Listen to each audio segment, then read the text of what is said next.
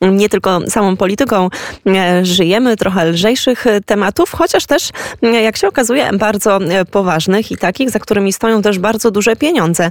Ale już nie będę tak enigmatycznie zapowiadać naszego pierwszego gościa. Jest nim Jarosław Kotowski, prezes i założyciel Noobs from Poland. Dzień dobry. Witam serdecznie. No właśnie, tak powiedziałam o tym lżejszym temacie, bo e, jest, są, są nim e, gry komputerowe. Okazuje się, że największym rynkiem gier cały czas pozostają Chiny z wartością przekraczającą 44 miliardy dolarów. E, liczba osób, które posiadają dostęp do sieci szacuje się tam na 946 miliard, milionów ludzi. Wiceliderem, czyli zaraz za Chinami są Stany Zjednoczone. A jak wygląda i jak wypada na tym tle Polska. E, tak naprawdę czym jest ten rynek gier i właśnie jak on wygląda w Polsce?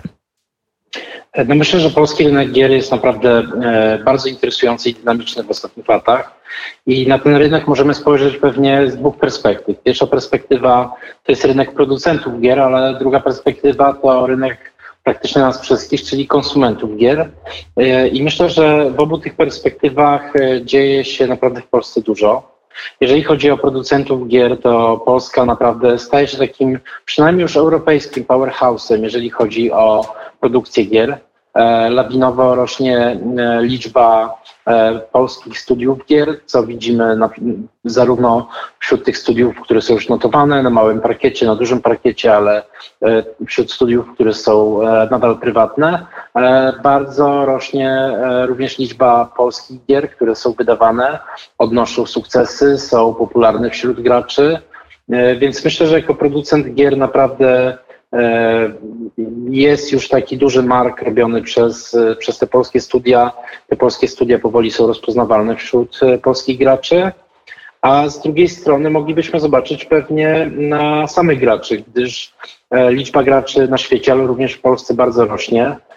O ile powiedzmy 20-20 parę lat temu, może osoby z mojego pokolenia, czy trochę starsze ode mnie, jako, jako dzieci wchodziły ten rynek gier jako konsumenci, teraz są to dorosłe osoby, no i kolejne jakby roczniki wchodzą e, w ten rynek kupując gry, więc jakby przez co nawet średnia taka, e, średni wiek gracza wzrasta, ale pula, pula również graczy wzrasta, więc e, tutaj już bardziej może w stosunku do naszej populacji, ale jakby też powoli robimy się interesującym rynkiem. W Polsce. Jest sporo graczy i co warto podkreślić, Polska jest jakby rynkiem premium, to znaczy na Steamie, e, gdzie dana gra kosztuje, nie wiem, załóżmy 20 dolarów, to znaczy, że ona kosztuje plus minus te 20 dolarów w Stanach, w Unii Europejskiej, ale również w Polsce, ale jak mówimy o Chinach czy Rosji, to taka e, bazowa cena tej gry już jest znacznie mniejsza, więc również to jest interesujące, że Polska Polska jest klasyfikowana jako ten rynek premium.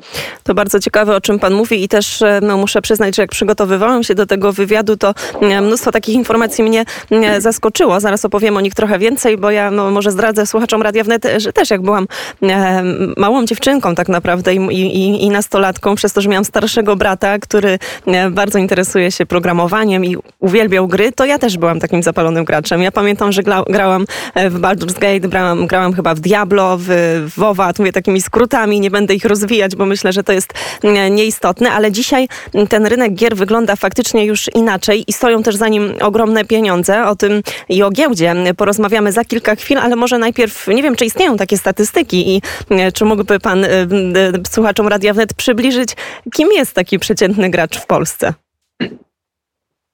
E, jeżeli mówimy o przeciętnym graczu, to jednak jest to w miarę szeroka definicja.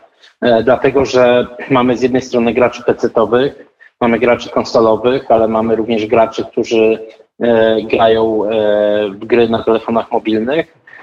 I co do zasady, bardzo często są różne gry, na przykład gry dostępne na telefonach mobilnych rządzą się troszkę innymi prawami niż gry PC-owe. Gry PC-owe są to gry premium dla bardziej wymagającego gracza. Jakkolwiek to się zmienia, gry, gry mobilowe są dużo bardziej casualowe, jakby pojedyncza rozgrywka jest dużo krótsza i są to takie bardziej gry na zabicie czasu. Więc jakby mówiąc, zadając sobie pytanie, kim jest polski gracz, musielibyśmy mówić a na jako platformę, więc i, i również tam są różne proporcje, to znaczy wśród na przykład, i to nie tylko w Polsce, ale w innych krajach jest widoczne, wśród graczy PC-owych e, przeważają mężczyźni. E, wśród graczy konsolowych nadal przeważają mężczyźni, ale ta proporcja nie jest już tak zaburzona, no ale na przykład jest y, całkiem duża e, grupa kobiet, która gra w takie e, w miarę lightowe gry, gry mobilowe i tam, tam już nie ma tak dużej przewagi na na przykład mężczyzn, więc wydaje mi się, że musimy takie zawsze pytanie doprecyzować, tak? O jaką platformę mówimy, o jakiego typu grach rozmawiamy. Na pewno tak jest, ale wspomniał Pan o tych e, grach mobilnych. Pytanie, czy to, no bo e, to jest tak, że kiedyś jak e, wychodziliśmy do pracy i potrzebowaliśmy mm, jakoś się zorganizować, to właśnie zabieraliśmy notatnik, jak już potem weszły laptopy, to zabieraliśmy ten laptop. Teraz jest często tak, że w telefonie mamy wszystko, prawda? Telefonem możemy zapłacić, na telefonie możemy mieć dostęp do Netflixów, do całej bazy filmów, do naszych właśnie prywatnych notatników. I pytanie, czy podobnie nie jest z grami? Czy nie będzie tak, że te, te gry takie bardziej stacjonarne będą odchodziły do lamusa, a raczej te gry na telefon będą je wypierały i będą rosły w siłę? E, rzecz jasna, jakby liczba graczy e, mobilnych rośnie dużo szybciej niż graczy pecetowych, ale taka dyskusja o tym, że właśnie te gry, powiedzmy, jak pani powiedziała, stacjonarne, czyli pecetowe, za chwilę umrą. Ja pamiętam, że dyskusja tak od 2000 roku się toczy i jakby co roku, e, co roku jest e, ten postulat e, ponawiany, że te gry zaraz znikną, a jeżeli spojrzymy na Steama, to jest taka powiedzmy chmura, z, z której się ściąga właśnie te gry głównie pecetowe, no to liczba premier tam znacznie rośnie. W 2020 liczba premier na Steamie przekroczyła 10 tysięcy gier, więc to nie wygląda jak e, wymierający rynek, ale dotknęła Pani również bardzo e, ciekawego tematu, że sposób w jaki gramy bardzo się zmienia. E, I to, że przez pandemię ludzie zaczęli nagle pracować z domu. Z jednej strony mieliśmy, pamiętam dokładnie w marcu 2020, gigantyczną eksplozję graczy, tak, ale y, również pojawiły się takie gry, y, które są bardziej y, grami na ten właśnie drugi ekran. Czyli na przykład na jednym ekranie może pracuję, a, a na drugim ekranie faktycznie sobie w taką grę gram. Pojawiła się przykładowo w tym roku 2021 taka wydawałoby się, że prosta gra, która nazywała się Loop Hero i to był taki przykład gry na drugi ekran, no i taka gra w bardzo krótkim czasie pół miliona sztuk e, sprzedała, więc wydaje mi się, że te zachowania graczy zmieniają się pod względem technologii, ale tego, co nas otacza, to, że, e, to, że faktycznie pracujemy, czy część osób pracuje z domu, to również na rynek graczy bardzo wpłynęło.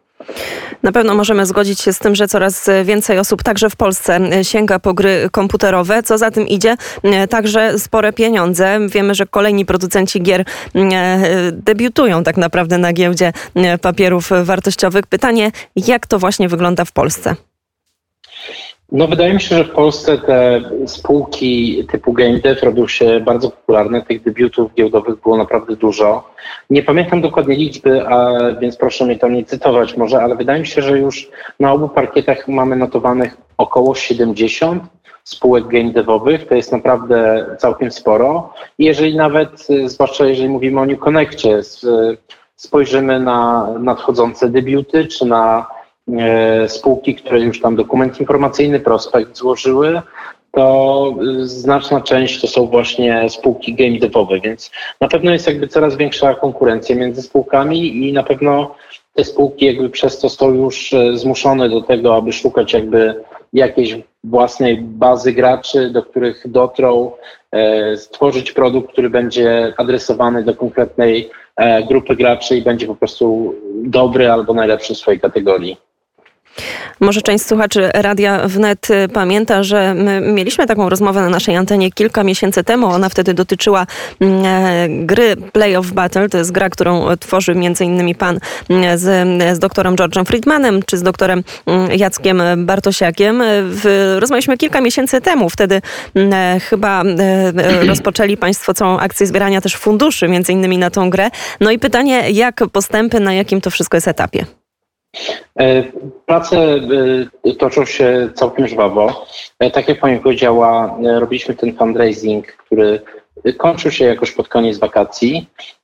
Po tym fundraisingu przeszliśmy do kolejnej fazy, gdzie pracujemy nad designem i konceptem gry. W tym momencie tworzymy wraz z naprawdę świetnymi designerami, którzy dołączyli e, do zespołu, a proszę mi wierzyć, że dołączyły do naszego zespołu e, już w trakcie tej zbiórki osoby, które pracowały w naj, największych polskich studiach, które pracowały nad naprawdę dużymi tytułami. I w tym momencie, w tym momencie chcemy jakby jak najszybciej dopiąć tą fazę koncepcyjną, fazę designową. To się powinno wydarzyć w pierwszym kwartale 22. No i wtedy będziemy już przechodzili do e, preprodukcji gry, a więc zrobienia troszkę takiej e, wersji na brudno, gdzie będziemy już mogli tą grę, główne, główne mechaniki, główne systemy ogrywać. E, więc wydaje mi się, że w kolejnym roku będziemy już przynajmniej wewnętrznie mieli jakieś techniczne demo gry, które odpowie nam na wiele pytań. Przy mhm. czym, tak jak to było podkreślane w trakcie tej zbiórki, jest to całkiem spory projekt. E, bardzo ambitny projekt i na tą grę jeszcze gracze będą musieli troszkę poczekać, gdyż premiera przewidziana jest dopiero na 25 rok. Bo to jest e, gra, przypomnijmy, która e, tak naprawdę ma bardzo dużo wspólnego z, ze światem, z przestrzenią, w jakiej my teraz funkcjonujemy i to w kontekście politycznym, geopolitycznym, bo z tego co pamiętam, to jest gra, która ma oddawać realia współczesnego konfliktu zbrojnego i stąd też ta współpraca z geopolitykami, między innymi właśnie George'em Friedmanem. Jakby jeszcze trochę więcej mógł Pan o tym projekcie opowiedzieć, tak żeby zachęcić słuchaczy Radia Wnet, kiedy już ta gra się pojawi, żeby po prostu no, chcieli ją kupić i grać.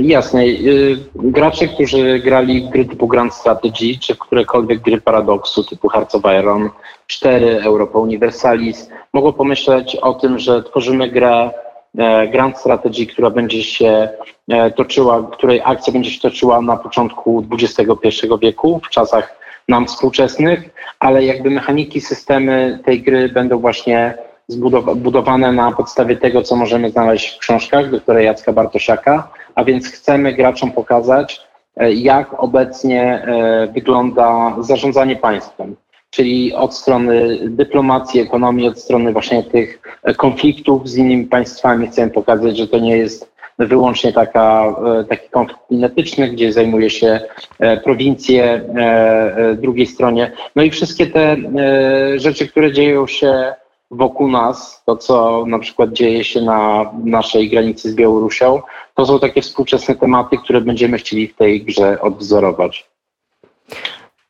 Czyli na przykład, y, y, jak spróbuję teraz sobie wyobrazić, spróbujmy zamknąć oczy i wyobrazić sobie, że w taką grę y, gramy, ta eskalacja konfliktu, który teraz ma na granicy, wyglądałaby tak, że co moglibyśmy zrobić? Na przykład wysłać więcej wojsk na tą granicę albo wysłać drony i to, próbuję tak mm, trochę poruszyć swoją wyobraźnię, ale na tej drabinie eskalacyjnej będziemy mieli w tej grze, tak? Wszystkie te narzędzia, mm, które teraz na przykład posiada państwo polskie, aby bronić naszych granic. Tak, właśnie chcemy pokazać to, iż gracz, który będzie mógł grać państwem, które wybierze, na przykład Polską, e, będzie miał ilość instrumentów, e, z których będzie mógł skorzystać, tak?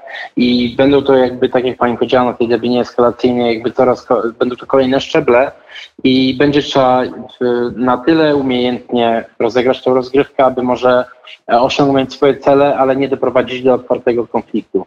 Więc właśnie e, to jest to, o czym wcześniej powiedziałem, że chcemy graczom pokazać, jak wygląda konflikt w XXI wieku, jak wyglądają starcia w XXI wieku poszczególnych państw i na czym polega zarządzanie państwem w e, otoczeniu geopolitycznym, które obecnie mamy. Czy e, inne gry, które wychodzą spod, spod skrzydeł państwa spółki też dotyczą geopolityki, strategii, czy może jakiejś zupełnie innej tematyki? Jeżeli chodzi o inne gry, to e, wydaliśmy swoją pierwszą grę Total Tank Simulator e, w 2020 roku.